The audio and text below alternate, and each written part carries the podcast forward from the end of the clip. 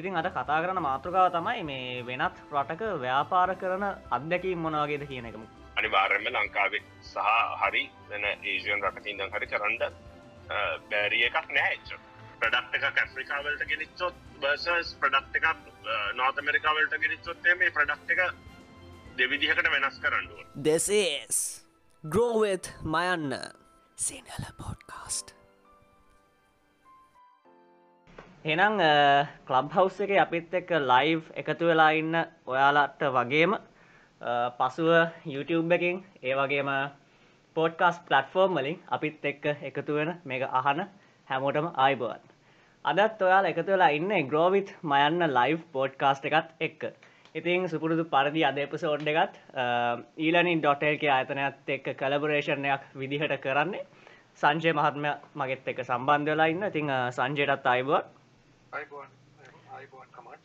Right uh, ඒ වගේම අද අපි uh, ආරධන කරලා තියෙන විශේෂ පුද්ගලෙක්ට ඒ තමයි කමාජ් සිල්වා එනම් කමාජත් පිළිගන්න අද සෙෂන් එකට අද ග්‍රෝවිස් මයන්න ලයි් පෝට් කාස්ට එකට. අපි ආයිබන් ආයිබන් ඇතර මම කමාජ මුලින්ම දකින්නේ මේ සින්දුවකින් අපේ uh, අවුරුදු මහිතන දායකට විතර කලින් මේ සින්දුවක් කරා වංහුන් නෑ ජීවිතය සින්දුව. ඒ දවසල මේ පලේලිස්ටල හෙම අපි නිතරම දැක්ක ටීව එක හෙම යනවා. ඊට පස්සේ තව අවුරුදු කිහිපයකින් අපි කමාශ දකිනවා මේ ඩ්‍රගන්ස් දෙන්නගේ. ඒත් එක්කම තම ස්නීකටබ් ඊට අමතරව ස්නීකටබ් එකයි මිල්ටොරොන්ට එක අපි දැනගන්න. ඉතිං කමාශ් පොඩ්ඩක් අපි මේ පටන්ගන්න ආරම්භයක් විදිහට ඒ ඒ ආපු ගමන් මාර්ග මේ ජුවනීක ගැන පොඩි රීකප් එකක් එක්ක. අද ඉන්න තත්ත්වය අද තියෙන්නේ මොනවගේ තනකද? අද මොනවද කරන්න කියලා පොඩ්ඩක් කතාකරොත් අපිත් එක්ක.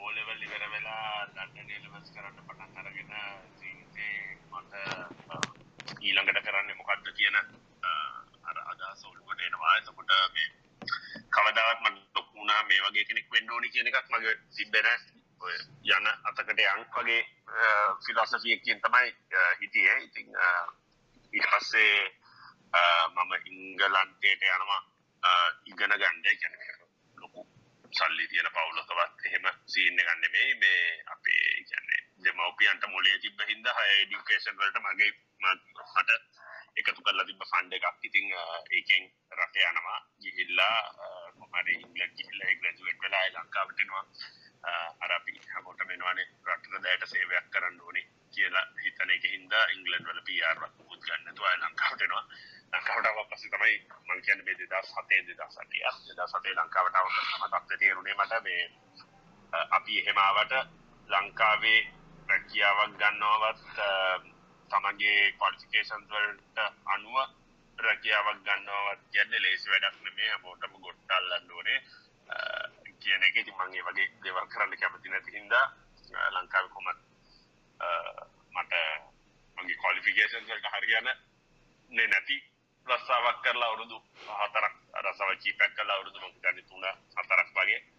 ඔය කාලෙක තම ඔයා කිව්වර ගීත ගායනයට යොමු වෙන්නේ. පර ෆුල්ටයි මියසික් කරන්නත් අවුරුදු දෙකක් විතර ට්‍රයි කරලා. ඉපස මම කොමත් මගේ හය ස්ටඩීස් වලට ගැන පෝස් ග්‍රජුවට් ස්ටඩීස් වලට අය කැනඩා වලටනවා එතනින් තමයි මහිතන ඔන්ටර්පනෝශිප් කියන ජර්නිය එක පටන් ගන්න. කැනඩාවට ඇවිල්ලත් අවුරුදු පහක මම ෆිල්ම් ඩිස්ට්‍රිබියුෂන් කම්පනි එක වැඩ කරනවා e ඊවන් කියලා. ඒකෙන් ලොකු එක්ස්පීරියන්ස් එකක් වෙනවා හංග ගේම්ස් එක්ස්පෙන්ඩබල්ස් ඩයිවර්ජන් ඒ වගේම පෙපපික් පීජ මාස් ඒ වගේ ගොඩක් ෂෝස් වල සහ මූවිස් වල මාර්කටින් පැත්ත හැඩල් කරන්න සහය මාර්කටින් ටීම්ස් වල කාලය ගත කරන්න හම්බෙනවා. මංහිතන එතනින් තමයි uh, වැඩේ පටන් ගන්නේ. Uh, ඊට පස්සේ ඔය ඔය රස්සාාව uh, වෙන් අයින් වෙන්ඩ වෙනවා. ඉන් වෙන්ඩ වෙනවා කියන්නේ ගොල්ලෝ ෆොක්ස් වන බ්‍රදස් සහ ෆොක්ස් කියන ස්ටඩියෝස් දෙක එක් වෙලා මගේ වැඩතරපු ඊවන්චන කම්පනීග ඉන්වස්මට එක්කන්න තකොට ටීම්ස් දෙකක් ඇතිවන පැත්තෙන් ටීම එක මේ පැත්තෙන් ටීම එක වයවන කම්පනීගෙන් අපේ ටීම එක ලේ ඔෆ් වෙනවා. Uh, එතනින් තම ස්නීකට පටන් ගන්නම් කද මට uh, මම කොහොමත් සාමාන්‍යෙන් රෙබෙලියස් කැරක්ට එකක් uh, වෙනයි කියන දේවල් අහන්නේ නැති පොඩි කාලේ නම් එහෙමයි ඒකින්ද ගොඩක් වෙලාට බොස්ලත් එක්ක වැඩ කරන එක මට අමාරුයි. ඒකින්ද මම හිතනවා කව තව දුරට කාගේවත් යටතේ වැඩ කරන්න ඕනේ නෑ. මම මගේම දෙයක් කරන්න try කරනවා කියලා හිතන්නේ ඉතින් ස්නීකට පටන් ගන්න කාලෙත් මම තව පටන් අරගෙන ෆස් ත්‍රී මන්සල ම වෙන කම්පනි එක මාර්කටින් මැනේජර් කෙනෙක් හැටියට වැඩ කරා. ඒ කියන්නේ මම එක්ස්පෙරිමන්ට් කරගෙන ඉද්දි ඊට පස්සේ තමයි කොහොමරි ඒක තනින් වැඩි හරියන්න බෑ නෑ කියලා තේරුම් ගිය හින්දා ෆුල් ටෙන්ෂන් එකයි ටයිම් එකයි ස්නීකට වලට යොමු කරනවා. ඊට පස්සේ ඊට පස්සේ ඩ්‍රගන්ස් දෙන් යන්න ඔපචුනිටි එක හම්බ වෙනවා. ඒකට ගිහලා පිච් කරනවා. ඒකේ ගොඩක් අය හිතන විදිහට අපි ඉන්වෙස්ට්මන්ට් එක ඇත්තටම ගන්නේ නෑ. ඕක ටීවි ඩීල් එකක්. ටීවි ඩීල් එකක් කියන්නේ හැම රියැලිටි ෂෝ එකේ වගේම රියල්ටි ෂෝ එකේ ඇතුලේ වෙන එක නෙමෙයි එළිය වෙන්නේ. ඉතින් අපි ඊට පස්සේ අවුරුද්දක ඩියු ඩිලිජන්ස් process එකක් කරනවා මම ඉන්වෙස්ටර්ස් ලා. ඒ කියන්නේ අපි අපිට කම්පැටිබල්ද කියලා දැනගන්න. එතනින් මට අවබෝධ වෙනවා මට මගේ ජර්නි එක මම මේක ගෙනියන තැන පිළිබඳව අපිට ගොඩක් මගේ ඇග්‍රීමන්ට්ස් වලට එන්න බැරි වෙනවා ඒගොල්ලන්ට ඒක වෙන තැනකට ගෙනියන්න ඕනේ මට වෙන තැනකට ගෙනියන්න ඕනේ මට මාස් මාකට් බ්‍රෑන්ඩ් එකක් කිරීමේ අවශ්‍යතාවයක් නෑ මට ඕනේ නීෂ් බ්‍රෑන්ඩ් එකක් හැටියට ඉමීට ග්‍රෝ වෙන්න. ඒගොල්ලන්ට ඒගොල්ලෝ ගොඩක් ලොකු පෝර්ට්ෆෝලියෝස් හැන්ඩල් කරන අය වශයෙන් ඒගොල්ලන්ට ඒ ඒ යන තැනට අපේ පොඩි ගට්ටනයක් නෙමෙයි. මං හිතන්නේ ඩිස්ඇග්‍රීමන්ට් එකක් ඇති වෙනවා. එතකොට අපි තීරණය කරනවා මේක නෙමෙයි අපි එකට වැඩ කරන එකට වඩා ෆියචර් එකකට වැඩ කරන්න ඕන තරම් ඔපචුනිටිස් එයි. දැනට මගේ ගමන මම යනවා කියන තැන තමයි ඒගොල්ලන්ගෙන් වෙන් වෙලා ඒ ඉන්වෙස්ට්මන්ට් එකට ඒ ඉන්වෙස්ට්මන්ට් එකේ පා කියලා මගේම ගමනක් යන්නේ ඉතින් ඊට පස්සේ මිල්ක්ට්‍රෝන් පටන් ගන්නවා. මිල්ක් මියුසික් කියලා ලේබල් එකක් පටන් ගත්තා මියුසික් ලේබල් එකක් ළඟදී. ඒක ඉතාමත් ලදරු අවධිය තාම තියෙන්නේ. කොහොම තමයි යන්නේ. ඉතින් අපි වැලියුේෂන් වශයෙන් මගේ රෙවෙනියු කතා කරන්න ඕනේ වැලියුේෂන් වශයෙන් ඉතින් couple of million dollars valuation එකක් තියෙනවා. couple වට ගිය මාස 4 4 5 වගේ ඔක ෆ්ලක්චුවේට් වෙනවා මාසෙන් මාසෙට වැලියුේෂන් එක රෙවෙනියු යි තියෙන වටේ තියෙන අනිත් එක්ක වෙන බ්‍රෑන්ඩ්ස් උයි එක ඉතින් එහෙම කතන්දරයක් තමයි දැනට තියෙන්නේ රයි් නියමයි මේ දවසල කැනඩාවෙන ඉන්නේ ඔව් ලංකාවේ දෙදස් ගියවරුද්දනේ දෙදස් විස්සේ මම කෝවිඩ් කරුවෙන්ට යාපෝට් එක වහන දවස රෑ පැනගත්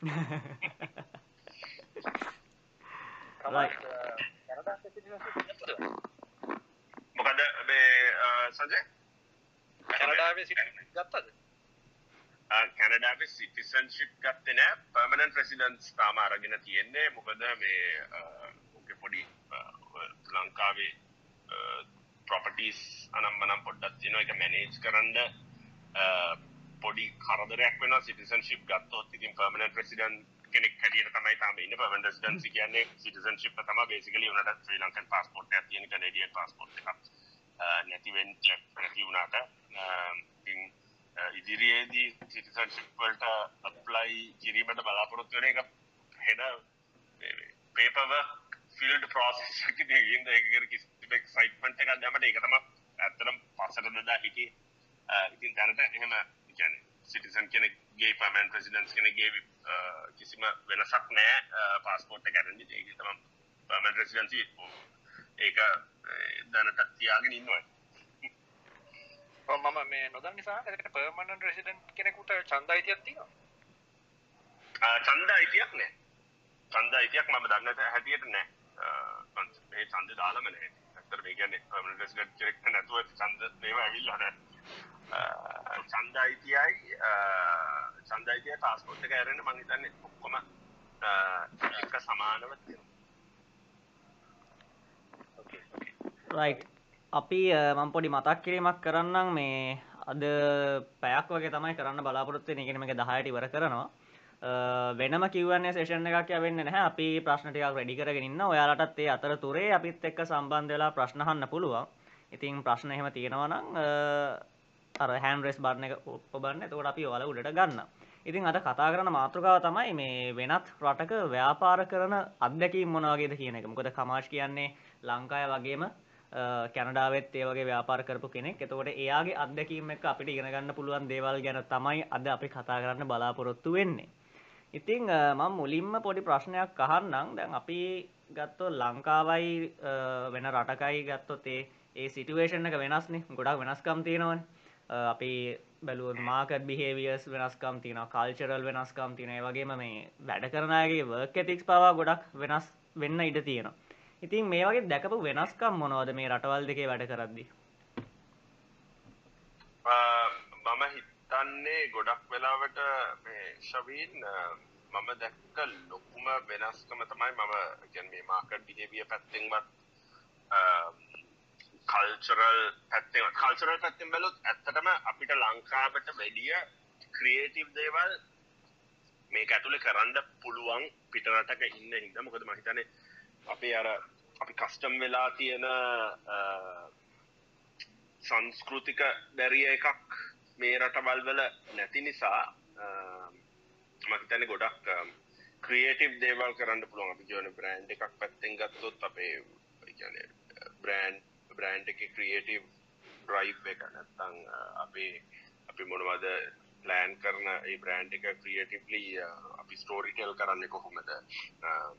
කියන එක අපිට ඉතාමත්ම පුළුල් විදිහට ලංකාවට වැඩිය මංහිතන කරන්න පුළුවන් එක්සාම්පල් එකක් ගත්තොත් එහෙම මහිත ලංකාවේ සාමාන්‍යෙන් කොමන් අපි ෆෝට සුට් එකක් කරත් ඒක ඉතින් ඔය පොඩි පෙන්නන දේවල් වගේ. අපේ අපේ පැත්තෙන් මං කරන ව්‍යාපාර වල එහෙම දෙයක් අපි කරන්න වෙන්නේ නෑ. නමුත් පංතනේ අපි ස්විම් සූට් බ්‍රන්ඩයක් හරි නයිට බ්‍රන්ඩයක් හරි එහෙම මොනහරි ගත්තොත් එමිතින් අර ක්‍රියටවලි ගොඩක් දේවල් කරන්න පුළුවන්. ඒක තුළ අප මං ඊට වැඩිය දක්න ලොකුම වෙනස තමයි ඊස් of ස්ටාටික බිස්නස් නැත්තං එන්ට්‍රී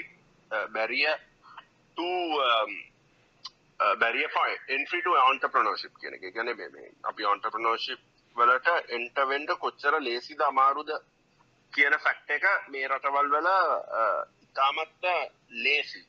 අපි මේන් ඩිෆරන්ස එක තමයි ති ම අපල්ස්ක පල්ස් පරිසන කල් බලත් මංග දය සෝස්කල් බ්‍රන්් එක ලංකාවේ පටන් ගත්ත. ඇත්තටම එක එකන්නේ මොනවහරි ව්‍යාපාරයක් සෙටප් කරන්න තියෙන අමාරුව. ගැන්න. අපි කොච්චර පිටිපස්සෙන් දින්න කියලවර වෙලා අපි පේපවක් ෆිල් කරගෙන ඒ ඔෆිසර්ස් වලට ගිහිල්ලා අරයාගේ සීල්ල එක ගහගෙන මේ අගේ සීල්ල එක ගහගෙන මේ අස්සන ගහගෙන ක්‍රේට් මාක් එකක් ෆයිල් කරන්න කොච්චර අමාරුද කියන ඒ වගේ තාමත්ම මේ බැක්වර්ඩ්ස් ප්‍රොසෙස් එකක් තමයි ලංකාව තියෙන්නේ ඔය වැඩේට එන්ට වෙන ගම තකොට අපි පේමන්ට් ගේට් වේ එකක් ගන්න කොච්චර අමාරුද? අපි මන් දන්නේ දැන් කොහොමද කියලා ඉස්සරනම් සම්පත් බෑංක එකේ කවුන්ට එකක් බිස්නස් කවුන්ට එකක් තියෙන්ඩෝනේ පේමට ගේට්ය ගන්න ඒක මහා ගැන හරි දැක්වත් ප්‍රසෙස්ස ගන්න ඇයි අපිට ඕනෙම බැංකුවක බිස්නස් කවුන්ට එකක් තියාගෙන ඇයි අපිට පේටමන්ට් ගේට් එකක් දෙන්න බැරිද? මෙහෙම RBCද දැන්නම් කමාජේ ප්‍රශ්න ලා තියෙන්නේ. ආවිසි දැන් හොඳ මම බැලුවේ මං හිතන්නේ ගිය අවුරුද්ද හරි ඉස්සල්ලා අවුරුද්ද හරි. ඔව් ඒක කලින් අවුරුද්දවල තිබ්බ ලොකු ප්‍රශ්න ඔව්. ඒ කියන්නේ ඒක ඒක හෙට අමාරුයි ඉතින් දැන් විසඳිලා නම් ඒක හොඳයි. ඒ වගේම කම්පැනි එකක් මං හිතන්නේ රෙජිස්ටර් කරන්න ගියාම ඉන්කෝපරේට් කරන්න මට ඉන්කෝපරේට් කරන්න ෆෝම් එක පුරවලා මෙහෙ යන්නේ විනාඩි 5ක් නැත්නම් 10ක් වගේ කෙටි කාලයක් ඔන්ලයින් හැමදේම කරන්න පුළුවන් වාට. සෝල් ප්‍රොප්‍රයිටර් බිස්නස් එකක්ද? කෝපරේට් එල්එල්සි uh, එකක්ද නැත්නම් කෝපරේෂන් එකක්ද ඉන්කෝපරේටර්ද ඔය කියන හැම ජාතියෙන් පාර්ට්නර්ෂිප් එකක්ද කියන ජාතිය ඕනෙම දෙයක් මට ඔන්ලයින් කරගන්න පුළුවන් විනාඩි 15ක් 20ක් ඇතුළත ඕනෙම දෙයක් කරගන්න පුළුවන්. ඒක uh, මම හිතන්නේ ඒ වෙනස තමයි මම ඉතාමත්ම ලොකුවට දකින්නේ මේ බැරිය ටු entrepreneurship කියන තැන. Uh, අපි කොච්චර ලේසියෙන් මේකට වැඩියට වැඩේට එන්ට වෙන්න පුළුවන්ද? කියන තැන තමයි මම ලේසියෙන්ම කියනවා මම දකින ලොකුම වෙනස ඒ දෙකේ. මගේ කියන්නේ ඔගොල්ලන්ගේ එක්ස්පීරියන්ස් අනුව ඒක වෙනස් නම් මට කියන්න මොකද ඔගොල්ලෝ මෙතන මොඩරේට් කරන කට්ටිය ව්‍යාපාර කරන කට්ටිය හින්දා නමුත් මම දකින්න ලොකුම වෙනස පිටරටක වැඩ කරලා ඒ ඒ එතන තමයි මම වෙනස් දකින්නේ කමාජ් මේ දැන්වා කියපු ease of doing business index ද එතෙන්දී අපි බලමු දැන් මම මට මේ මෙන්න මේ දේ පොඩ්ඩක් පැහැදිලි කරන්න කොහොමද දැන් ලංකාවේ නම් ඊස් of doing business index එකට බලපාන තව කාරණා තමයි අපිට ටෙලිෆෝන් කනෙක්ෂන් එකක් ගන්න එක විදුලි බල විදුලි බලය ලබා ගන්න එක ජල බල ජලය ලබා ගන්න එක මේ හැමදේටම approval process තියෙනවා. ඒකට ඒවා ඩිලේ වෙනවා. ඊට පස්සේ DOI ඊපස්සේ ඔයගේ investment යද්දී වගේ ගොඩාක් කතා තියෙනවා. දැන් ඒ ඒ ඒ කරුණු ටික කොහොමද කැනඩාවේ? අලුත් කෙනෙකුට ගිහිල්ලා set up කරන ගන්නකොට ඒ facilities utilities ටික infrastructure support එක කොහොමද? ඔයාට uh, මං බේසික් වාට එක්සම්පල් එකක් දෙන්නම්. අපි අලුත් ව්‍යහවස් එකට මූගුණ ගිය අවුරුද්දේ uh, ටොරොන්ටෝ ඉඳන් uh, ටිකක් ලොකු ව්‍යහවස් එකට අපි සර්විස් කරකර හිටපු තමත් පොඩි ව්‍යහවස් සහ ස්ටෝෆ්‍රන්ට් එකත්තම බිස්නස් ඔක්කොම සර්විස් කරකර හිටිය. ඊට ඉස්සල්ලා අපි අත්තරම 3PL එකක් මාර්ගෙන් 3PL එක කියන අපි පිකින් පැකින් කරන්නේ වෙන කම්පනි එකක්. එහෙම තමයි අපි ඔපරේෂන්ස් කර කර හිටියේ. එතනින් මට ඕනි වුණා ඔක්කොම ඉන්හවුස් ගේන්න. මොකද අපේ කස්ටමර්ස්ලට හම්බෙන එක්ස්පීරියන්ස් එක වෙන කෙනෙක් කරහම මං හිතන්නේ ඒකේ හැම වෙලාවෙම සමාන බොක්සකින් බොක්ස එකට එක වගේ නෑ. එකින්ද මට එක්ස්පීරියන්ස් එක ඉන්හවස් ගේන්න ඕන වුණා. එකින්ද අපි ලොකු ව්‍යාහවුස් එකක් සාමාන්‍යයෙන් ලොකු ව්‍යාහවුස් එකක් කරගෙන ඔක්කොම ඉන්හවස් ගෙනාව. යුටිලිටස් සෙට් කරන්න යන්නේ කෝල් එකයි. බෑංක කව් එක ඕපන් කරන්න යන්නේ විනාඩි දහයයි. බේසික බෑංක බිස්නස් බෑංක කව් ඕපන් කරන එකත් සෝල් ප්‍රප්‍රයිට එක ඔන්ලයින් ඕපන් කරගන්න පුළුවන්. කෝපරේෂන් ඉන්කෝපරේට කොපරට බෑංක කව් ඕපන් කරනවා නම් වගේ ඩොක්කමෙන්ට් එකත් එක්ක ෆෝන් කාල් එකක් අලා වැඩේ බුක් කරගෙන බෑංක එකට යන්න විතරයි තියෙන ෆෝන් කනෙක්ෂන් යන්න විනාඩි දහයක් යයි වැඩි මුණ ඒ වගේ ඔය කියන මෙන්ෂන් කරපු හැම දේවල්ම පැවිසි අතරක් ඇතුළට වැඩිම දේකට යන්න පැවිසි අතරයි පැවිසි අතරක් ඇතුළට හැම දේම කරගන්න පුළුවන්. එක මං කියන්නේ ව්‍යාපාරයක් පටක් ඔය ටෙක්නිකල් සහ අවශ්‍ය මූලික දේවල් වලට අපේ කාලයවත් දේවත් වැෑකත්ලෙවරලා ඔළුව කසකස මේ කොහොමද කරන්න කියලා හොයා හොය හොය ඉන්න ඕන්න හැමදීම අතේ දුරින් තියෙනවා ඉතාමත්ම ලේසියෙන් කරගන්න. එතකොට ටැක්ස් වලට ඒ අදාළ ඔඩිට් කරනවා බුක්කීපිං ඒවගේ දේවල් ඒවට වෙනම කම්පනිස් තියනවද? නැත්තම් අපිම කරගන්නවා නම් කොහොමද? වෙනම කම්පනිස් තියෙනවා. මුලදී ඉතින් තම තමන්ට කරගන්න පුළුවන් නම් අපි අපි ක්වික් බුක්ස් වගේ ඉතාමත් ලේසි සොෆ්වෑ එකක්. ඒකම හිතන ගොල්ලන්ට ටක්ස් තියන ක්වික් බුක්ස් වලට නම්. Eh, ඒ වගේ සොෆ්වෑ එකක් තරු ඉතාමත්ම ලේසියෙන් කරගන්න පුළුවන්. Eh, ටක්ස් තමයි eh, ටිකක් um, ටැක්ස් වලට ඔගුලගේ බිස්නස් නම්බ එක රෙජිස්ට කරහම් පස්සේ එතනින් පස්සේ කිසිම දෙයක් එක් ගැන වරිබෙන්ඩෝන අවුදුකට සර ටක්ස් ෆයිල් කරන්න තමයි තියෙන ටක්ස් ෆයිල් කරන්නත් ඔගොල්ලගේ බිස්නස් නම්බර එකින් ගවන්මෙන්ಟ್ පෝටල් එකක් තියෙනවා. ඒ පෝටල් එකට ගිහිල්ලා බිස්නස් කවන්් එක එක යුසන පස්වඩ් මොක් හරි හපු ගමන් වගේ ඔක්කොම ටක්ස් ෆයිලිං ඩොක්කමන්ස් අප්ලෝඩ් කරන්න පුළුවන් එතනින්ම.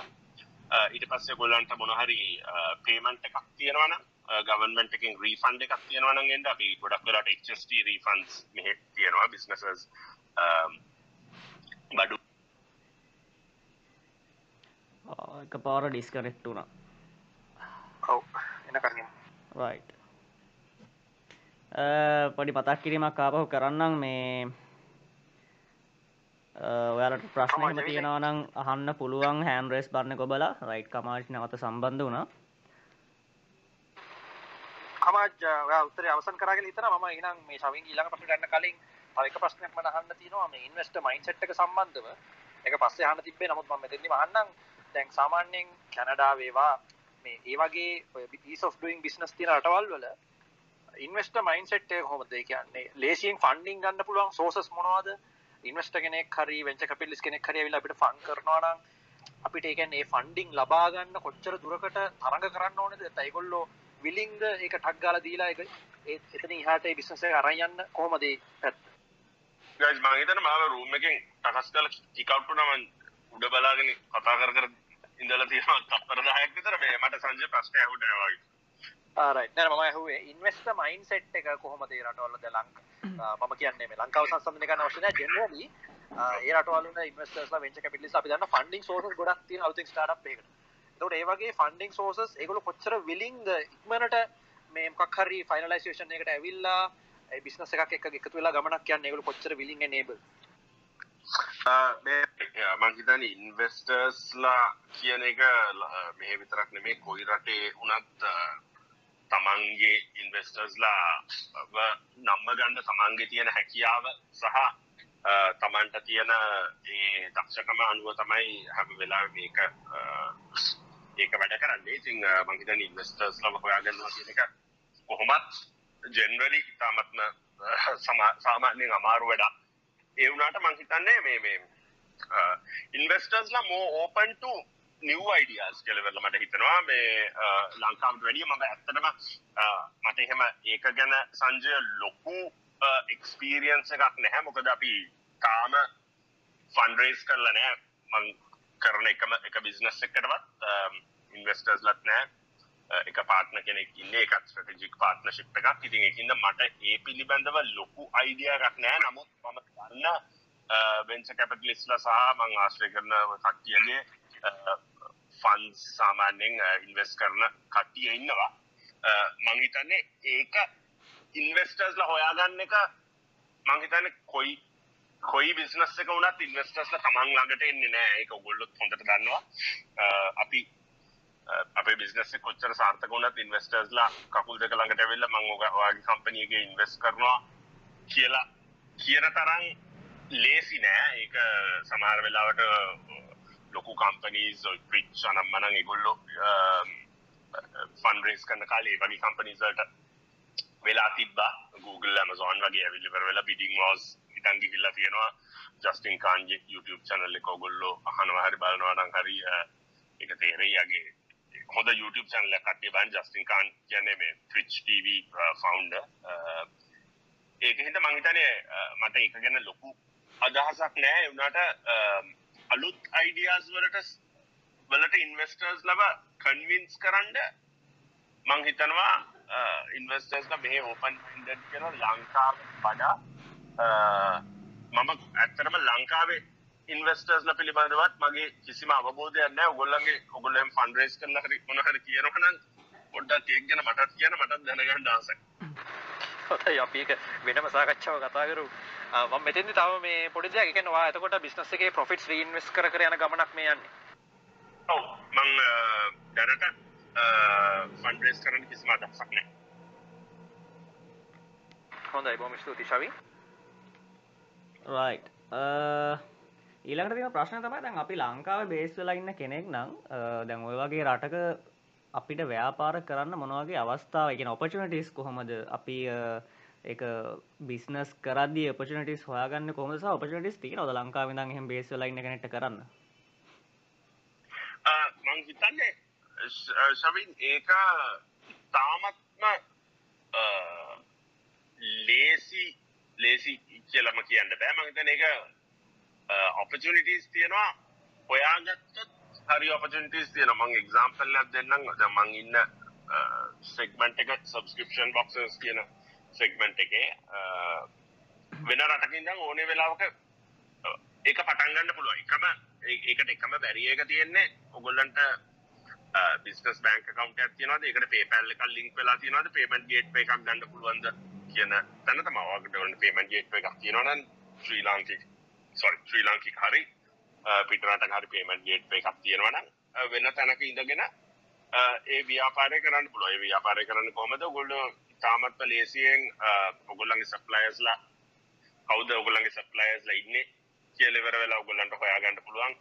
ඔගොල්ලො මොන මොන මාකට බිනස් ගන්න ෆ එක්ම්පල් ස් කරනවන ස් කරන එක තමයි ඇත්තරම US බේස් වෙලා කරන එක තමයි ලේ US බේස් වෙලා නෙමෙයි US බේස් බිස්නස් එකක් පටන් ගන්න එක තමයි ඔයා රිමෝට්ලි හිටියත් මම හිතන්නේ ලේසි. මොකද US වල ඉතාමත්ම ගොඩක් සප්ලයර්ස්ලා ඉන්නවා සහ ප්‍රොඩක්ට්ස් ඇන්ඩ් සර්විසස් ඉතාමත්ම හැමතැනම පැතිරිලා ලේසියෙන් හොයාගන්න පුළුවන් දේවල් තියෙනවා. ඉතින් සබ්ස්ක්‍රිප්ෂන් බොක්ස් එක පටන් ගන්නවා නම් ඔයා මොන නීෂ් එකේද පටන් ගන්න කියලා ඉවර වෙලා ඒක පටන් අරගෙන ශොපිෆයි පාවිච්චි කරන්න පුළුවන් ක්‍රේඩ් ජොයි පාවිච්චි කරන්න පුළුවන් ඒ වගේ මොකක්ද වගේ ප්ලැට්ෆෝම් එක කියලා ඉවර වෙලා ඔයාට අවශ්‍ය දේ හොයාගෙන එතනින් සප්ලයිස් හොයන්ට පටන් ගන්න.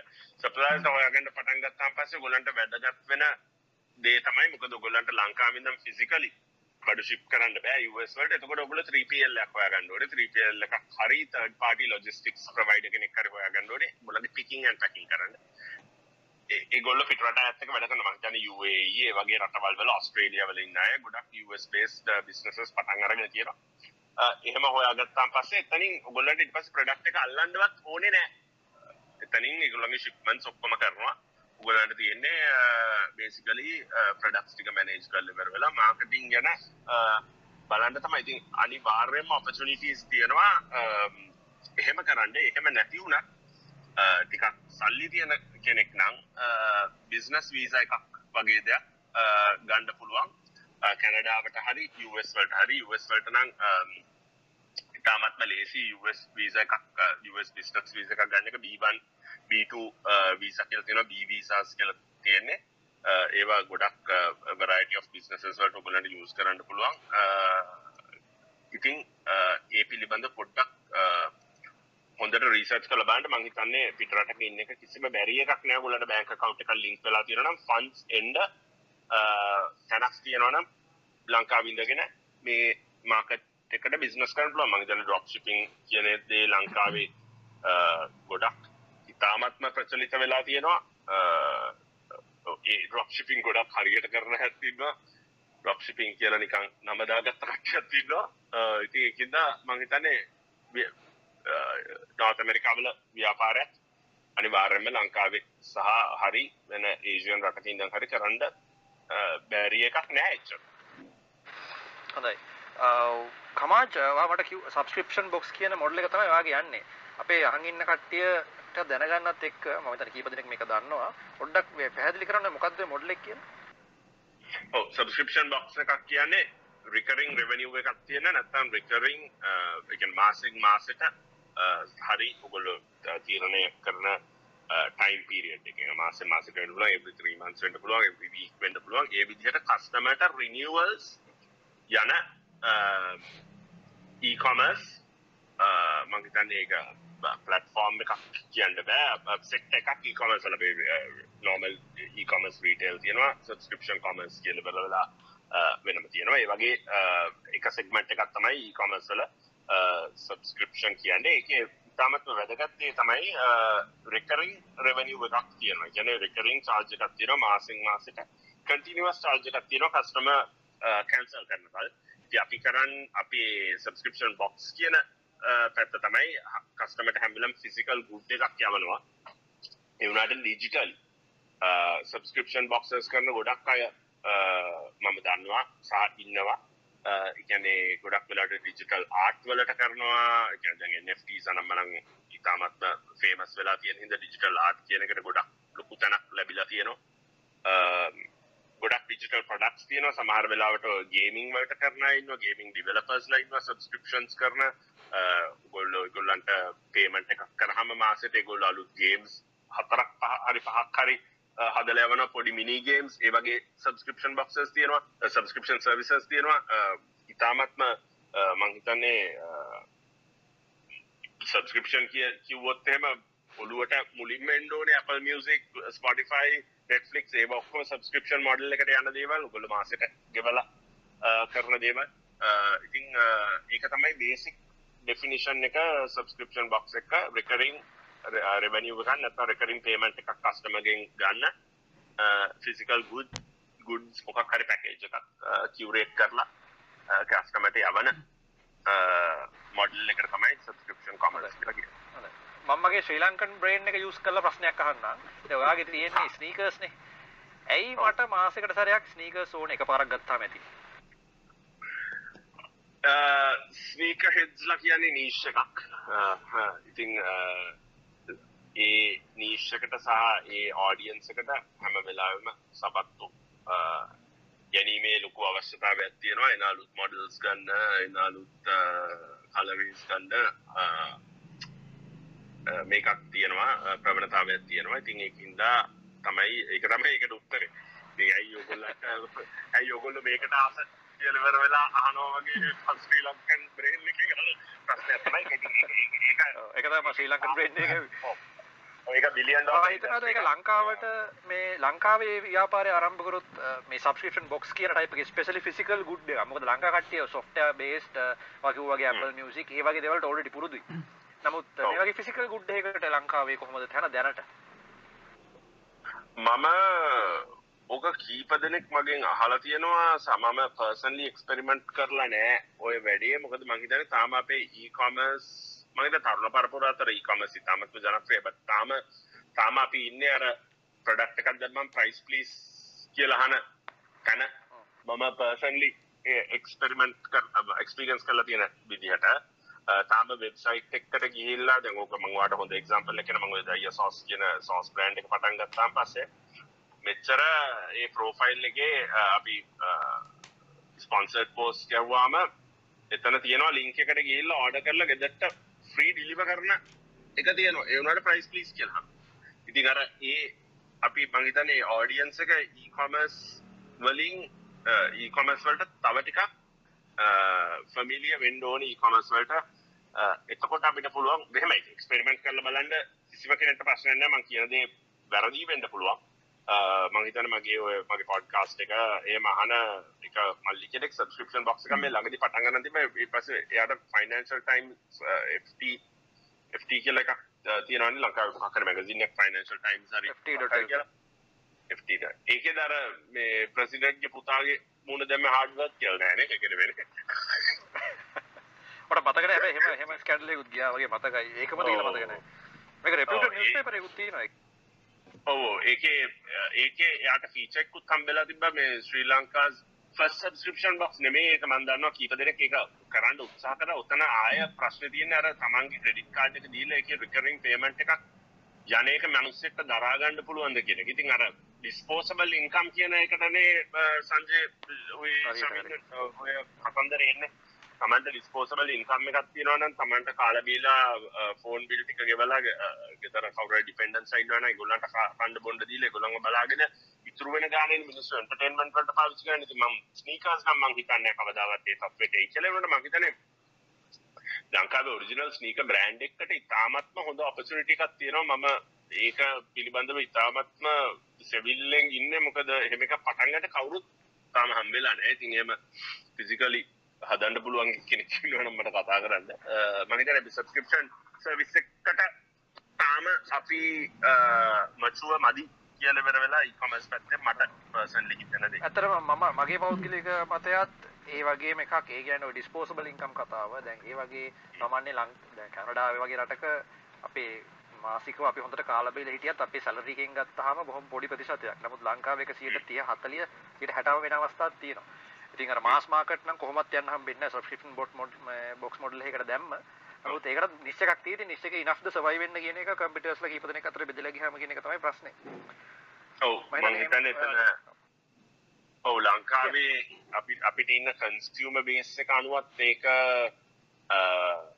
ඩිපෙන්ඩ් වෙනවා මොකද තාමත් අතගාලා ගොඩක් අතගාලා අරම් ප්‍රොඩක්ට් එක අතේ දකින්න බලන්න කන්සියුම් බේස් එක තමයි මම හිතන්නේ අපේ ජෙනරේෂන් එක මේ ජෙනරේෂන් එක පස්සේ ඔක වෙනස් වෙයි. ඒ කියන්නේ අපේ අම්මලා තාත්තලාගේ ජෙනරේෂන් එක නැති වෙලා යන දවසක මම හිතන්නේ ඊට පොඩි ජෙනරේෂන් එක ඔකට සෙට් වෙයි. ඉතින් මම හිතන්නේ උතන ටෙක් ටෙක් අපි මෙතන ගොඩක් දිගට කතා කරන්න ඕනේ වෙනම කතා කරන්න ඕනේ ප්‍රශ්නයක් කොහොමද අධ්‍යාපනයෙන් ඕක වෙනස් කරන්න කියන එක. ඉතින් ඒක අපි එතන කතා නොකරමු. මම හිතන්නේ ඉතින් කවදා හරි හැදෙයි වැඩි. හොඳයි. මම හිතන්නේ අපේ අම්මලා තාත්තලාගේ ජෙනරේෂන් එකෙන් පස්සේ තව ගොඩක් දේවල් වෙනස් වෙයි කියලා අපි බලාපොරොත්තු වෙමින් ඉන්නවා. අපි ශවින්ගේ ප්‍රශ්න දෙමු. ඔවු මේ දැන් ඔව හොඳ ප්‍රශ්නයක් ඇත්තර මේ මොකද මම වනත් පෞද්ගලිකව ගත්තොත් මම පර්සනලි කැමති මේ ප්‍රඩක්ට එකක් ගන්න කලින් එක්ස්පිරියන්ස් කරන සාමාන්‍යයෙන් මේ ඩිජිටල් ප්‍රඩක්ටයක් සහ ෆෝන් එකක් වගේ දෙයක් වුණට ගන්නකොට මේ ඩිජිටල් ඩිවයිස් එක වගේ ගන්නකොට මම සෑහෙන්න රිසර්ච් කරන රිසර්ච් කරලා කරලා ඊට පස්සේ පුළුවන්නම් ෂෝරූම් එකට ගිහිල්ලා ඒක පොඩ්ඩක් අර එක්ස්පීරියන්ස් කරලා එහෙම තමයි අවසානයේ මේ ප්‍රොඩක්ට් එක උනන් මිලදී ගන්නෙ. ඒක අර මම පෞද්ගලිකව පුරුදු වෙලා ඉන්න විදිහ. ඉතින් අර ඒ එක්ස්පීරියන්ස් එක අර ඩිජිටලි ගන්න බැරි එක නිසා මම උනත් පොඩ්ඩක් පැකිලෙන අවස්ථාවල් තියෙනවා. හැබැයි සමහර විට එක්ස්පීරියන්ස් කරලා තියෙන ප්‍රොඩක්ට් එකක් නම් ඩිජිටල් උනත් ඕඩර් කරන එක ප්‍රශ්නයක් නැහැ. එහෙම කරලා තියෙනවා. කමාජ් රීෆන්ඩ්ස් ඔෆර් කරනවද බොක්ස් එකට? රීෆන්ඩ්ස් මේ මේක මිස්ට්‍රි බොක්ස් එකක් හින්දා රීෆන්ස් ඔෆ කරන්න ඇත්තටම තමන් බාණ්ඩයට කැමති නැත්තම් රීෆන්ස් ඔෆ කරන්නේ නෑ මේ අවස්ථාවදී සංජය අපි ඒක ඉස්සර බිස්නස පටන්ගත්ත පලවෙනි අවුරුදු දෙකේ වගේ ඒදේ කරා ඒක ගොඩක් කස්ටමස් ලතින් ඒ වැඩේ අබියස් වුණා ඒක හින්ද අපි ටර්ම්ස් කඩිෂන් වෙනස් කරලා ඩැන් රීෆන්ස් දෙන්නේ නැහැ. ඩෆෙක්ස් හරි අපේ අතින් බැරද්ද අපිගෙන් වැරදි සයිස්සක ශිප් කරා කියලා නැත්තං අපි ගොඩක් වෙලාට සයිසිං වලට මොකද අපි ජෙනරලි අපිට අයිඩිය එකක් තියෙනවා මේ බ්‍රන්ස් නයිකි ෆිට් වෙන්න මෙහෙමයි ඩිඩාස් ෆිට් වෙන්න මෙහෙමයි. සාමන පූමඩිය බැලන්ස් ඒවා එක විදිකට ෆිට් වෙන්නේ. අඩිඩාස් සාමන කාප සයිස් වැඩියෙන් ෆිට් වෙන්න. ඉතින් එහෙම ඔය ඕක අස්සට ගියාම වැඩ ගොඩක් තියෙනවා. ඇත්තටම අපි කිවරේට් කරද්දි සහ මේ- මේ- මේ, අ, අපේ පිකින් පැකින් වලදි කරන්න. Uh, ඉතින් ඒකින්ද අපි එක ගැන ජනරල් අයිඩිය එකක් තියෙන නිසා ෆිට් එක පිළිබඳව ඉශුව එකක් ආවොත් අපි රිපලේස්මන්ට් එකක් ඔෆර් කරනවා ඒ මොඩල් එකම. අ, මොකද එතකොට කස්ටමර්ස් ලට අපි කියමු අ, ගොඩක් වෙලාවට හම්බුන දේට ඒගොල්ලෝ ඒ මොඩල් එකට හරි කල එකට හරි කැමති නෑ කියල ඉවර වෙලා. කැමති නැත්තං ඒගොල්ලෝ ඒක වියස් කරන්න පුළුවන් වෙන එකක් ගන්න මට මේක ෆිට් වෙන්න කියලද ඒකින්ද අපි ඔෆර් කරන රිපලේස්මන්ට් එක ඒ මොඩල් එකේම අපිට ඒක ඉන්ස්ටොක් තියෙනවනම් තමයි දැනට ඔෆර් කරන්නේ. උනට දැන් ඉන්ඩස්ට්‍රි ඉතාමත්ම මේ කොවිඩ් හින්දා අපිට අපි ෆේස් කරන ලොකුම ප්‍රශ්නය තමයි අපිට ඉන්වෙන්ටරි පිළිබඳව ඉතාමත්ම ලොකු ගැටලුවක් තියෙනවා. ඉන්වෙන්ටරි ඉතාමත්ම අඩුවෙන් තියෙන ඉන්ඩස්ට්‍රියගේ දිගටම. මොකද අර කොවිඩ් හින්දා සාමාන්‍යයෙන් ඒගොල්ලෝ අවුරුද්දක් එකමාරක් ඇඩ්වාන්ස් වැඩ කරන්නේ. කෝවිඩ් හින්දා හෝල්ඩ් කරපු ප්‍රොඩක්ෂන්ස් ඉෆෙක්ට් වෙලා තියෙන්නේ දැන් ඉතින් ඒක පොඩි ඉන්ඩස්ට්‍රි වයිඩ් ප්‍රශ්නයක්. නමුත් සයිස් සයිසිං ඉෂුස් වලට විතරයි රිප්ලේස්මන්ට්ස් ඔෆර් කරන්නේ. අ, දැනට වෙන දේවල් වලට ඔෆර් කරන්නේ නැහැ. හරි. අ, ඒ වගේම දැන් අපි කතා කරා මේ සාමනෙන් වෙන රටක බිස්නස එකක් වුණත් ස්ටාර්ට් කරන්න පොඩ්ඩක් පහසුයි කියලා ලංකාවේ තියෙන තත්ත්වයට වැඩිය.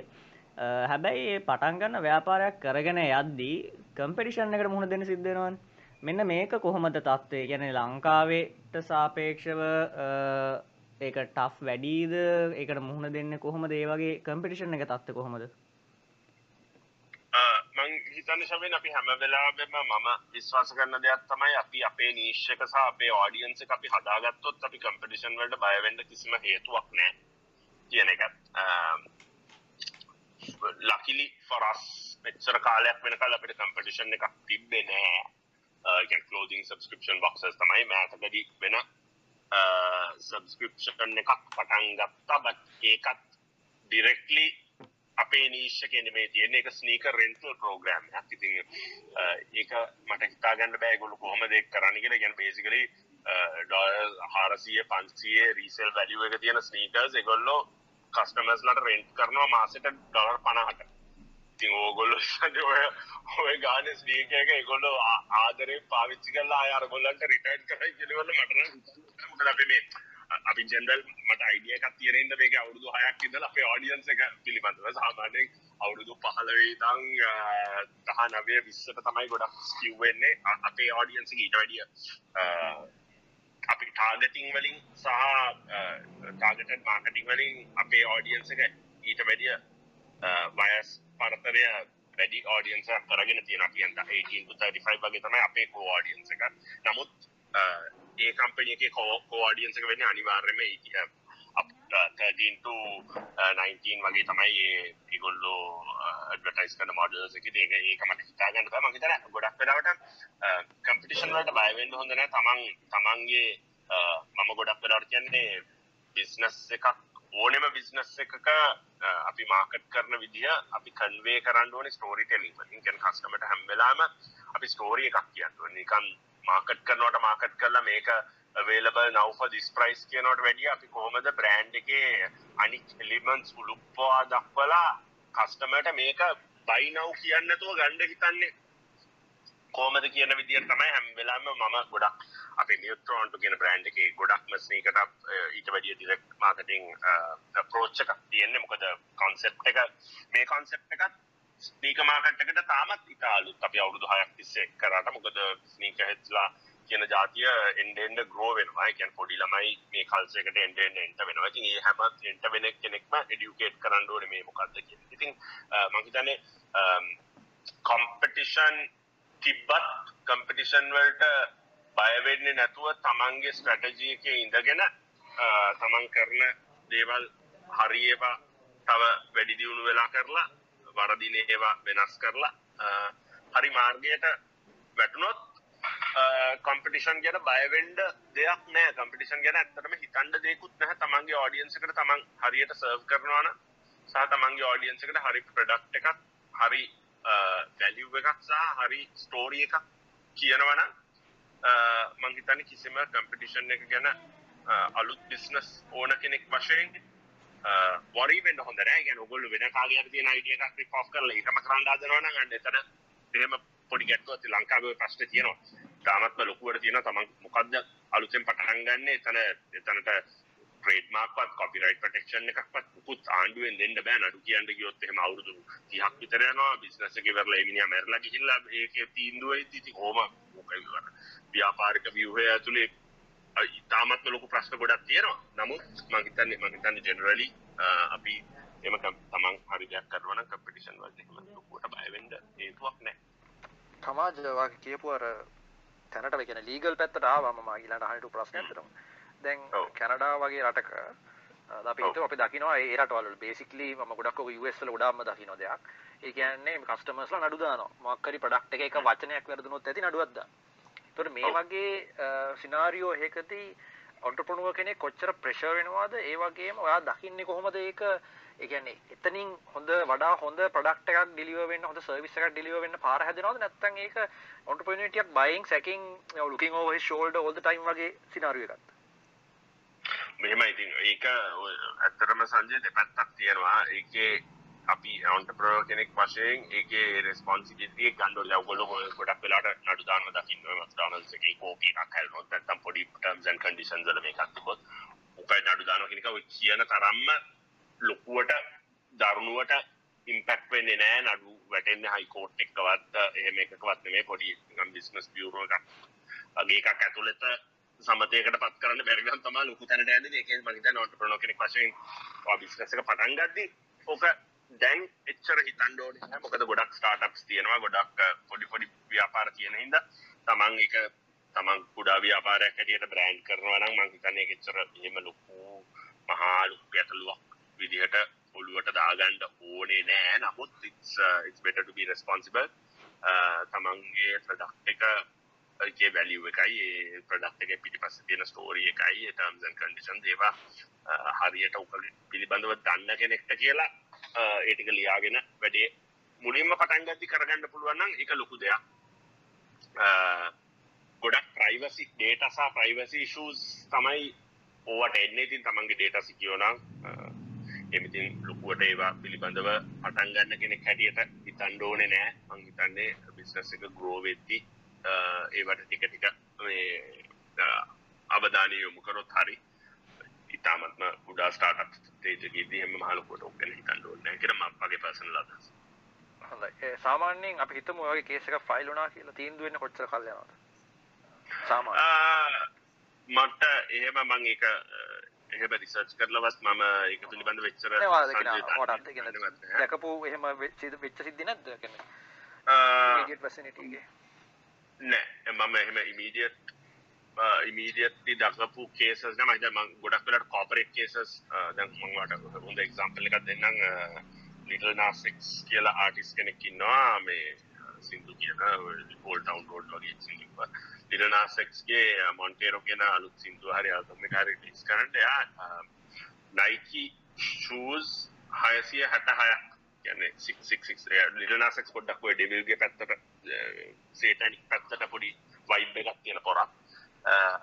නයිකි ෂූස් හරසි හටහයක් නයිකි වලින් අරගෙන එයා නයිකි කලබරේෂන් එකක් කියලා කස්ටමයිස් කල මිස්චීස් කියල බ්‍රන්ඩක් එක රිලිස් කර. ගොල්ල එක පොට Google කළ බලන්ඩ um, ඒ හැම ෂූ එකකම හියමන් බ්ලඩ් ඩ්‍රොප් එකක් තිය නයිකි යා බබල් කියලගත් තේර යාමක් 95 කරි සික්සරම කරික් එකක් එයා යස් කරේ මොඩල් uh, එක. එක එයා බබල් එක ඇතුළේ human Uh, blood uh, drop uh, එක හැම ශුවක්කම තියෙනවා.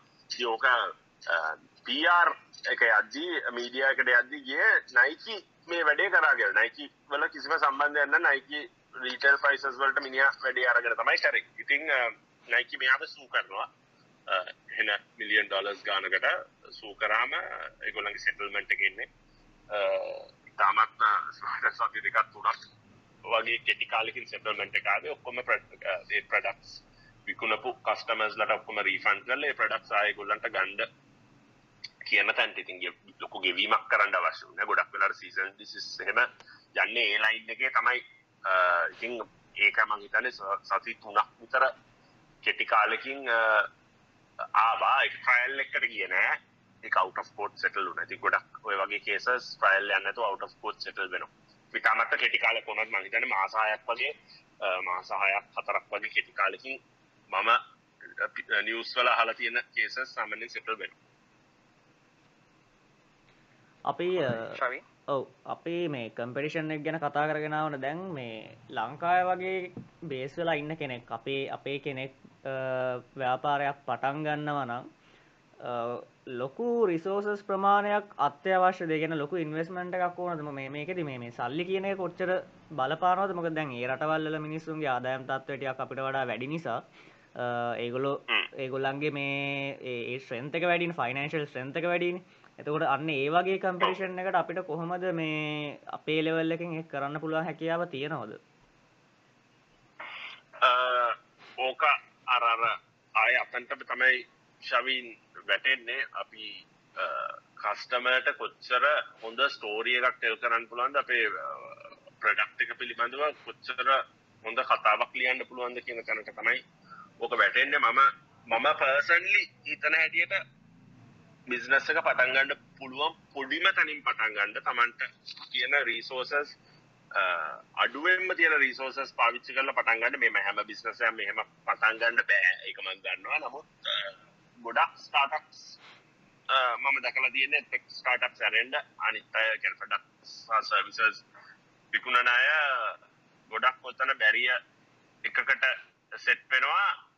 තමන්ගේ ව්‍යාපාරයට ඇත්තටම කොච්චර එක ප්‍රවර්ධනය කරන්න සල්ලි ඕනෙද කියලා දන්නෙත් නැතු හොයන්නෙත් නැතුව මට සල්ලිනෑ ව්‍යාපාරයක් පටන් ගන්න කියන තැනට ගොඩක් තරුණය පත්වෙනවා මම දැකල් තියෙන ඉතිං මංහිතන්න ඒක තාමත්ම වැදගත්දේ තමා මුලින්ම ඇත්තටම ප්ලෑන් එකක් හදලිවල එක රිසර්ච් කරල බලන්ඩ ඇත්තටම එතන්ට කොච්චරක් සල්ලි ඕනෙද? ඔගුල්ල හිතන තරම් සල්ලි ඕනෙද කියලා බලන්ඩ පුළුවන්. ඉතිං මංහිතන ඒ ඒ ඒ පොඩි ස්ටඩිය එක කරොත් එහෙම ගොල්ලට ගොඩක් වෙලාට තේරේ එහෙම මහලොකුවට සල්ලි ගොඩක් ඕනේ නෑ කියල පෙර වෙලා ගොඩක් ව්‍යාපාර පටන් ගන්න. මං කියන මං කියන ටෙක් ස්ටාර්ට්අප් සනම්මන නෙමෙයි. මං කියන්නේ ප්‍රොඩක්ෂන් සර්විසස් බේස් බිස්නසස් ඔයගොල්ලන්ට ටෙක් පිළිබඳව ඔයගොල්ලන්ට මට වැඩිය දැනුමක් තියෙනවා. ඉතින් ඒක ඔයගොල්ලන්ගේ පැත්තෙන් ඔයගොල්ලන්ට ඔඩියන්ස් එකට එක්ස්ප්ලেইন කරනවා මම හිතන්නේ ප්‍රොඩක්ෂන් සර්විසස් බේස් බිස්නසස් පටන් ගන්න සෝෂල් මීඩියා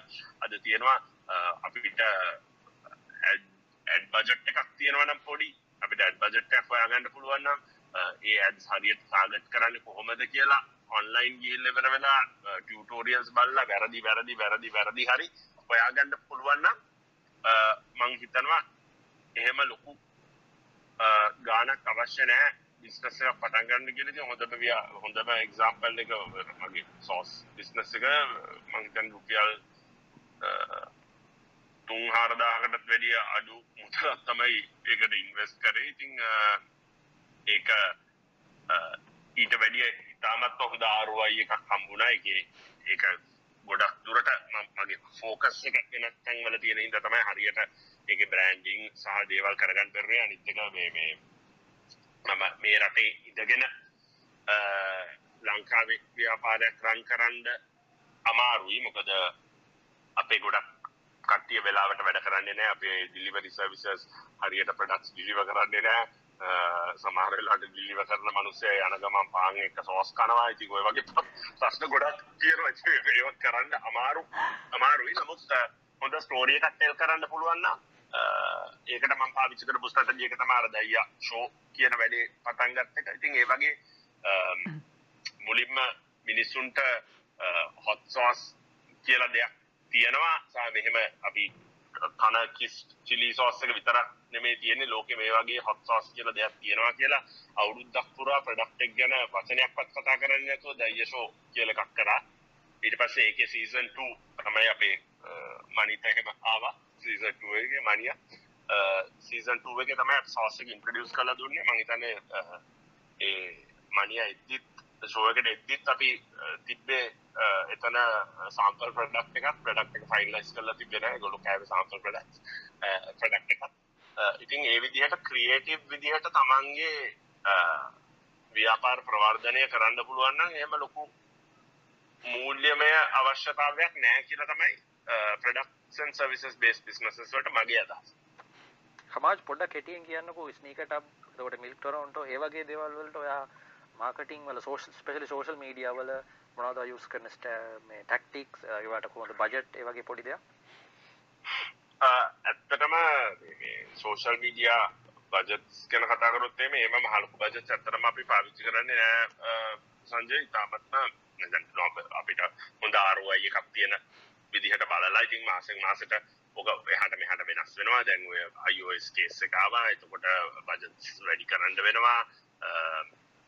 ඒ වගේ මේවා තියෙන මම ඒකට නම් ඇත්තටම මේ අපි කම්පැනි එකක් එක්ක වැඩ කරන්නේ ස්ට්‍රැටජිස් වලට ගොඩක් වෙලාවට ක්‍රියේටිව් එක නම් අපි ප්‍රොඩක්ට් එකේ ස්ටෝරි එක ටෙල් කරන්න තමයි ගොඩක් වෙලාවට හදන්නේ මේ මේක එක්ස්පීරියන්ස් එක කස්ටමර්ට දෙන්න තමයි හදන්නේ එතකොට අපි අන්බොක්සින්ග්ස් ගොඩක් වෙලාවට අන්බොක්සින්ග්ස් බේස්ඩ් ස්ටෝරීස් තමයි ඩ්‍රයිව් කරලා කර වෙලා කස්ටමර්ට මාකට් කරන්නේ ඒක සෙගමන්ස් කීපයකට බෙදෙනවා අපි සාමාන්‍යයෙන් ප්‍රඩක්් එක්සාම්පල්ස් පෙන්න්නනවා ඒ වගේම සෙලිබිටි අන්බොක්සිංස් පෙන්න්නනවා ගැන අපිත්තක වැඩ කරන්න සෙලිබිටස්ලා ඉන්ෆුවන්සර්ස්ලා ඉන්නව කොට්ටාශයක්. ඉතින් ඒගොල්ලන්ගේ එක්ස්පීරියන්ස එක කස්ටමට කියනවා පෙන්න්නනවා ඒ වගේම තව කරනවා. යස යස එක තම එකටම කන්වර්ට් පෙන එක. ඇත්ත යසස්ලා අන්බොක්ස් කරන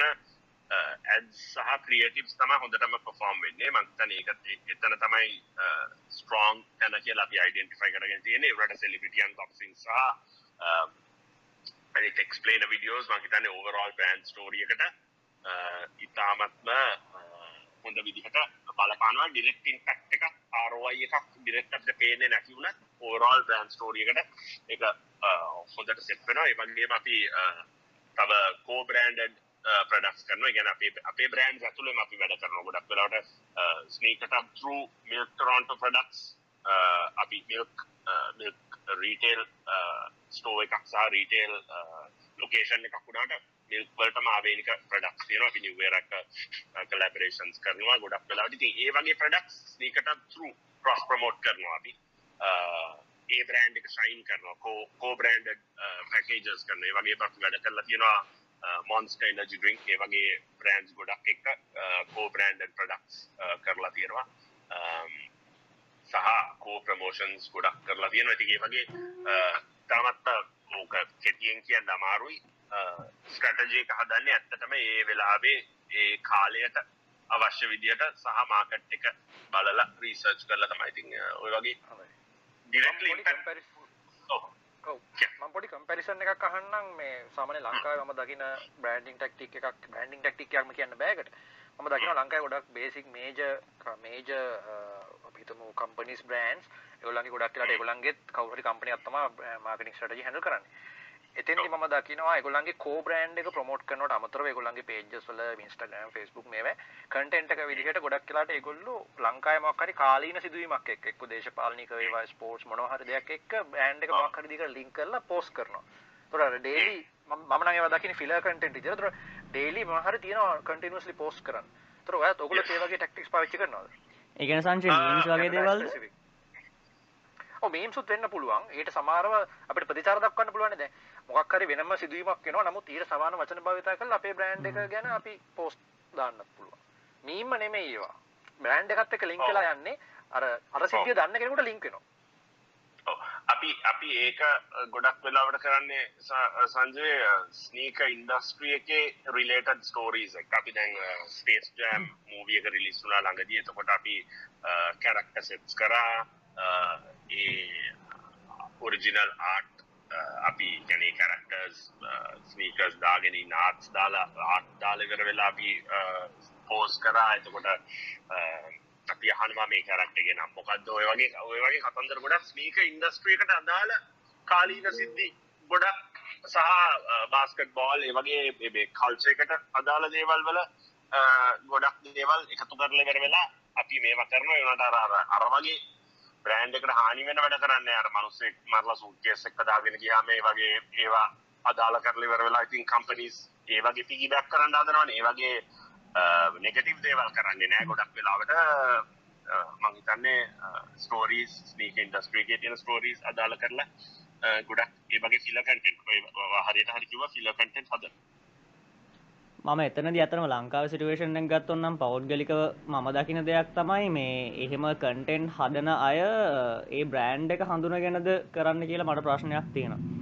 එකන්න මේ ඒ බ්‍රෑන්් එකේ පර්සනල්ටිකට වනත් සහ බ්‍රන්් ස්ටෝරීකට සමහර දේවල් ගැලපෙන්න්න නැතුව මේ අර සෝශල් මීඩිය විතරක් ටාගට් කරගෙන යන මේ ඒවා ගැන යන් ට්‍රෙන්ඩ් එකට යන වගේ ක්තම ති මන පෞද්ගලික දකින්න. එන්ගේජමෙන්ට් KPIs බ්‍රන්් KPIs නෙමේ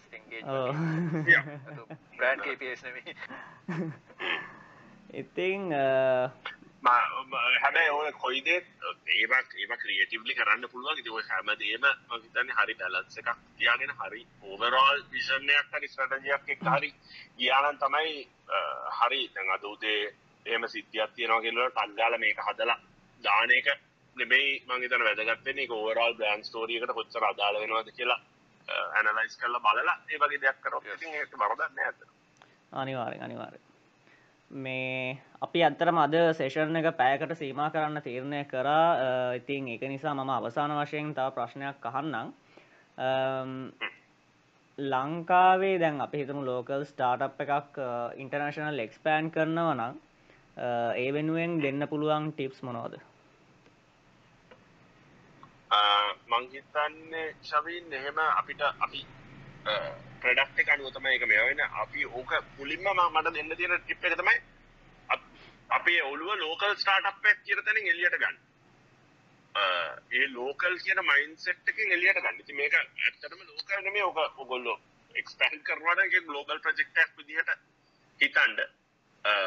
හිතලා ඉවර වෙලා ඒක මාකට් එකට කොච්චර ඒ ඔයගොල්ලෝ මූව් වෙන්න ඉන්න මාකට් එක හරි ඔයගොල්ලෝ ඉම්ප්ලිමේට් කරන්න. එක්ස්පෑන්ඩ් කරන්න ඉන්න මාකට් එකට හරි කොච්චර ගැලපෙනවද කියල ඉවර වෙලා රිසර්ච් කරලා බලන්න. ඒ වගේම තව තියෙන කම්පිටිටිව් ප්‍රොඩක්ට්ස් මොනවද කියලා රිසර්ච් කරලා බලන්න.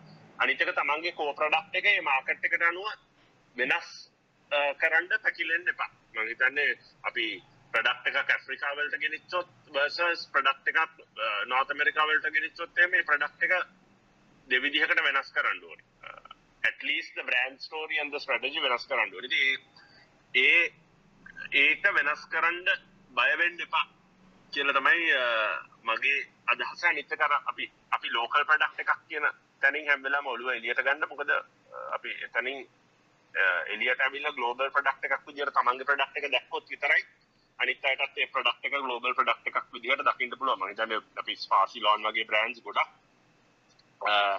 ගලෝබලි අට පලේස් වෙලා තියෙනවා.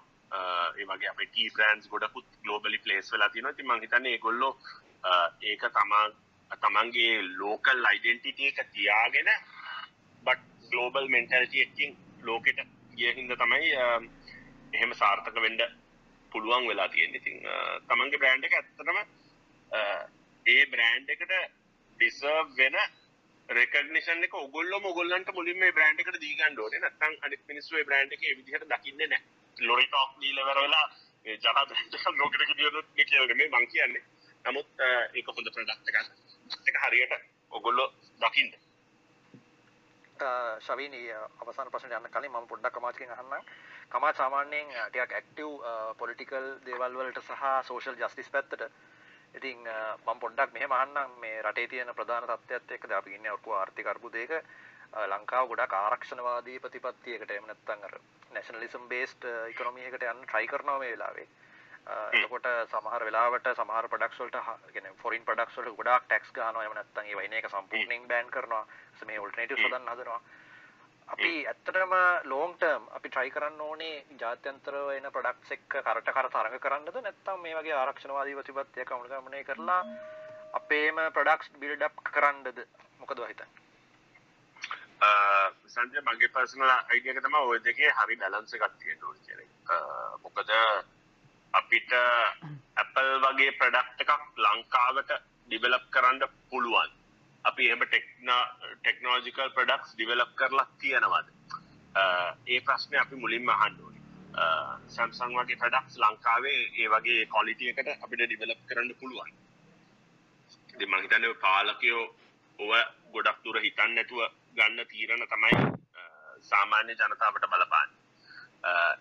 මගේ කෙටි උත්තරේ තමයි ඕක හරි බැලන්ස් එකකින් ගහගෙන යන්න ඕනේ. අපිට අපේ දියුණු කරන්න පුළුවන්. ඒ කියන්නේ අපිට තියෙන මොනවද අපිට තියෙන කර්මාන්ත මොනවද රටේ වැවෙන භෝග මොනවද ඒවා පිටරටින් එක්ස්පෝර්ට් නොකර ඒවා ඒ මිනිස්සුන්ට හරි ප්‍රතිපාදන දීලා ඒවා දියුණු කරලා අපිට කරන්න බැරි දෙයි අපිට හරියට කරන්න බැරි කරන්න බෑ කියලා දෙයක් නෑ. මම පර්සනලි දකින්නට නෝට අපිට ඒ වගේ බ්‍රෑන්ඩ් එකක් හදන්න පුළුවන්. අපිට අපි කියමු Apple වගේ හොඳ බ්‍රෑන්ඩ් එකක් ලෝකලි සාධාරණ මිලකට හදන්න පුළුවන් කියන එක ඒක හදන්න පුළුවන් නම් හොඳයි. එතකොට අපි ඒක හදලා ඊට පස්සේ ඒක ග්ලෝබල් ගෙනියන්න බලන්න ඕනේ. එහෙම හදන්න බැරි නම් ඒ හදන්න බැරි නම් මිනිස්සුන්ට මං හිතන්නේ හැම වෙලාවෙම මිනිස්සුන්ට ජීවිතේ choice එකක් දෙන්න ඕනේ. මේක මේ පිටරටින් එන ඔක්කොම ටික බෑන් කරලා. ඒක මොනවා හරි අල්ජීරියා මොටිව් එකක් ඇතිනේ පිටරට ටින් ගෙන එක බෑන් කරන්න. ඒක ඔයගොල්ලෝ දන්නවනේ ඇත්තටම අල්ජීරියා මොටිව් එක මොකක්ද කියලා. ඩොලර් වගේ පහළ තියාගන්න එක නේ. අල්ජීරියා මොටිව් එක.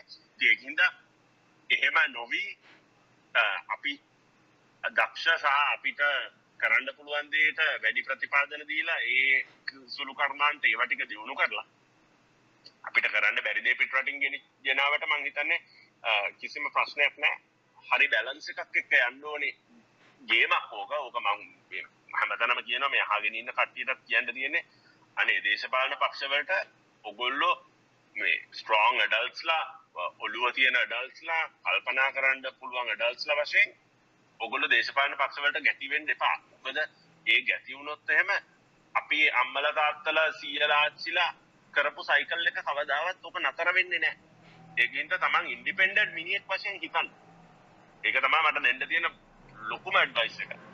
කිසිම කාටවත් ගැටි වෙන්න එපා. අපේ අම්මා තාත්තා අර පක්ෂයට ඡන්දය දැම්මේ කියලා ඔයගොල්ලෝ ඒ පක්ෂයට ඡන්දය දාන්න තා හුරේ කියන්න අවශ්‍ය නැහැ මට ඉතාමත්ම ලැජ්ජ දෙයක් තමයි දේශපාලන පක්ෂවලට හුරේ දාන එක සෝෂල් මීඩියා වල. ඔය කතාව සාමාන්‍යයෙන් කිව්වම මගේ ෆ්‍රෙන්ඩ් ලිස්ට් එකෙන් ෆ්‍රෙන්ඩ් ලිස්ට් එක සුද්ධ කරගන්න පුළුවන් ආණ්ඩුවට දෙසරක් තුන්සරක් බැන්නොත් එහෙම සතියට ඒකින්ද මම ඒක කරනවා. good one good one right uh, අපි අවසන් කරන්න ඔන්න මෙන තියෙදදි සශයෙන් ඉදිරිපත් වුණ ප්‍රශ්නයක් අහන්න. මේ පුළුවන් තරන් කෙටියෙන් අහන්න කියලා තමයි ඉල්ලන්නේ. ඔව් uh, කමචය මේ පොඩි ප්‍රශ්නයක් තියෙනවා අහන්න. දැන් ගොඩක් අය අලුතෙන් බිස්නස් එකක් පටන් ගනිද්දී uh, ඒ කියන්නේ ඒ බ්‍රෑන්ඩ් ඒගොල්ලන්ගේ ප්‍රොඩක්ට් එක රිලේටඩ් බ්‍රෑන්ඩ් නේම් එකක් තමයි ගොඩක් අය සිලෙක්ට් කරගන්නේ. දැන් අයියාගේ තිස්නීක ටබ් එකේ බලු තිස්නීක බේස් මොලේ වුණත් දැන් අයියා අනිත් එක පටන් ගනිද්දී මිල් ටොරන්ට් එක පටන් ගනිද්දී ඒක කියන්නේ ප්‍රොඩක්ට් එක රිලේට් නැතුව වෙනම බ්‍රෑන්ඩ් නේම් එකක් සිලෙක්ට් කරගන්නවා.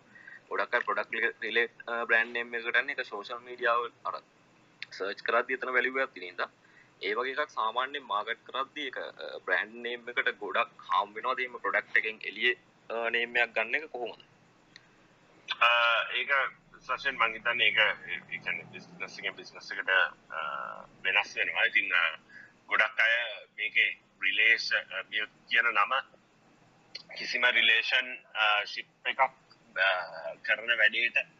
නෑ කියලා තමයි හිතන්නේ උනට. ඒකේ ඇත්තටම බ්‍රෑන්ඩ් ස්ටෝරි එක ගත්තොත් එහෙම ඒකේ එතන තමයි සෙට් වෙන තැන. මොකද අපි මුලින්ම අපි රීටේල් ලොකේෂන් එක ආරම්භ කරාම අපේ සිලෙක්ෂන් එක හැම මාසෙම ස්ටෝර් එකේ වෙනස් වෙනවා. ඉතින් ඒ වෙනස් වෙන එක අපි මිල්ක් කියන්නේ කිරි එක්ස්පයර් වෙනවා කියන තැනට තමයි සෙට් කරේ. ඉතින් එක්ස්පයර් වුණාම වෙනස් කරනවා. එක්ස්පයර් වුණාම මාරු කරනවා කියන තැනට තමයි ඒක සෙට් කරේ. ඉතින් එහෙම ඩිරෙක්ට් රිලේෂන්ෂිප් එක නැති වුණාට ඕවර්ऑල් බ්‍රෑන්ඩ් ස්ටෝරි එකේ ඉතාමත්ම එතන ගැලපීමක් තියෙනවා. හැබැයි මං හිතන්නේ එහෙම මිල්ක් කියලා බලලා මිනිස්සු අදාළත්වයක් නැහැ කියලා හිතුණට අපි ඉන්ටීරියර් කරේ මිල්ක් ක්‍රේට්ස් පාවිච්චි කරලා එතකොට සීරියල් ඇන් මිල්ක් හැමදාම එකට යන ගජ මිතුරන් දෙදෙන. ඉතින් සීරියල් ලොකු ජයන් සීරියල් බොක්ස එකක් පාවිච්චි කරා ඇත්ත සීරියල් පුරුවපු. ඒ වගේ ඉතාමත්ම පොඩි පොඩි විශ්වලි ප්ලීසිං ස්තටික්ස් වලින් මංහිතන අපි බ්‍රෑන්් එක බිල්් කර. මංහිතන එහෙම ටිකක් වෙනස් නමක් පාවිච්චි කරපු ඉද ඉතාමත්ම ගොඩක් ෆ්‍රෙස් අපිට හම්බුණා. මංහිතන්න සිටි සිටි ටරන්ට වල මේ ආවා. පහපි කිසිම එන්ඩ කියලවත් ඉන්වයිට් කරලවත්ත මේ අපිට ඉතාමත්ම ලොකු සෙලිබිටි ෆෑන් බේස එකක් එක් අවුනා කැනදම් මිල්ක් කියන එක ගලෝබල් ගලෝබලි සාමාන්‍යයෙන් ඉතාමත්න පොඩියට රෙකගනයිස් බ්‍රන්් එකක් විදිහට පලේස් වෙලා තියනවා දැන්ට මංතන ඒ කරපුේ වෙනස්කම හිද තමයි ඒක ඊච් ඕන් ඒ ඔක්කොම මං ඉස්සර කිව්වා වගේ බ්‍රෑන්් ස්ටෝරි ටෙලින් සහ වගේ බ්‍රෑන්් එකින් වගේ ආඩියන්සකට කියන්න ඕන ස්ටෝරීක මොකක්ද කියන තැන්ට තම එක සෙ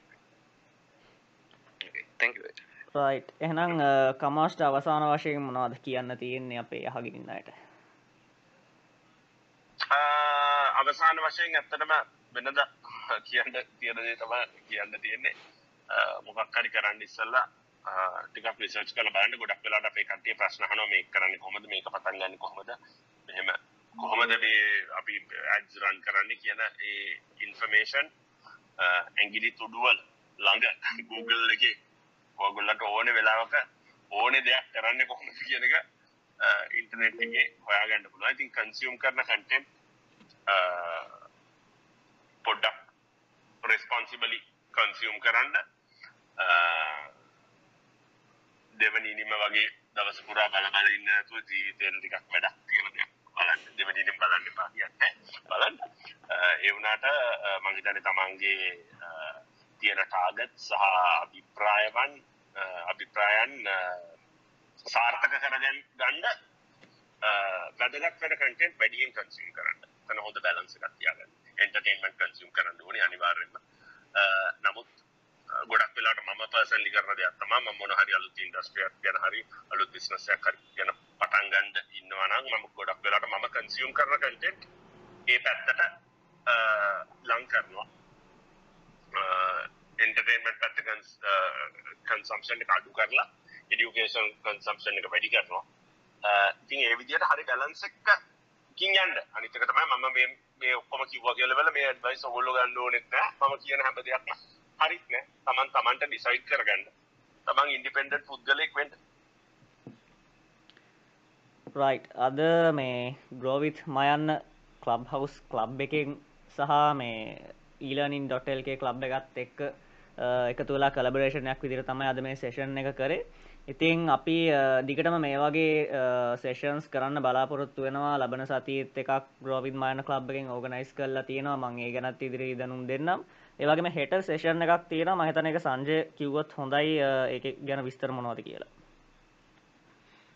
හෙට ඊලන් ඉන්ඩොටල්ගේ ක්ලබ් එක යටතේ ශවීන එක අපි කරනවා ගොඩක්ම මේ ඩිජිටල් මීඩියා කොහොමද වෙනස් වෙන්නේ කියලා ඉස්සරහට. කියන්නේ දැනට තියෙන මීඩියා කන්සම්ප්ෂන් හැබිට්ස් මොනවද? ඒක කොහොමද ඉස්සරහට වෙනස් වෙන්නේ? මාකටියර්ස්ලා විදිහට අපි කොහොමද ඒ ගැන හැඩ ගැහෙන්න ඕනේ කියලා අපි ලීඩින් ඩිජිටල් මාකටර් කෙනෙක් ලංකාවේ ගෙන්නවා. ඒ ඔයගලන්ට තියෙන ප්‍රශ්න අදහස් සමග හෙට රාත්‍රී 8ට එක මාව ෆොලෝ කරලා තියන්න නැත්නම් ඊලනින් ටොටල් එකේ ක්ලබ් එක ෆොලෝ කරන්න. නැත්නම් ශවීන ෆොලෝ කරන්න. මේ ඕන කෙනෙක් ෆොලෝ කරත් හෙට රාත්‍රී වලට ඔයගලන්ට නොටිෆිකේෂන් එක එයි. ඉතින් ඔයගොල්ලෝ ඒ කියලා බලාපොරොත්තු වෙනවා. ඒකටත්. කමාල්ට බොහොම ස්තුතියි. අද මේ සාකච්ඡාවට අපිත් එක්ක අදහස් බෙදාගත්තට. ඔව් කමාල් අතන thank you guys. ගොඩම ස්තුතියි. වගේ වටිනා කාලය අපි වෙනුවෙන් වෙන් කල්ලා අපේ කමියනිට එක වෙනුවෙන් මේ වගේ දැනුම සහ අත්දැකීම් ෂයා කරන්න සම්බන්ධ වනාට බොහොම ස්තුතියි කමාස්ට ඒවගේම රයිට ඒ වගේම සංජයටත් ස්තුතිවන්ත වෙනවා. ප්‍රශ්නහන්න ඉදිරිපත්තුන සශයෙන්ටත් ස්තුතිවන්ත වෙනවා. ඒවගේම අපිත් එක්ක පැයක් එකතු වෙලා හිටපු අහගෙන හිටපු ඔයාලටත් අපි ස්තුතිවන්ත වෙන ගම. අද ග්‍රෝවිත් මයන්න ලයිෆ් පෝඩ්කාස්ට් එක මෙතනින් අවසන් කරනවා.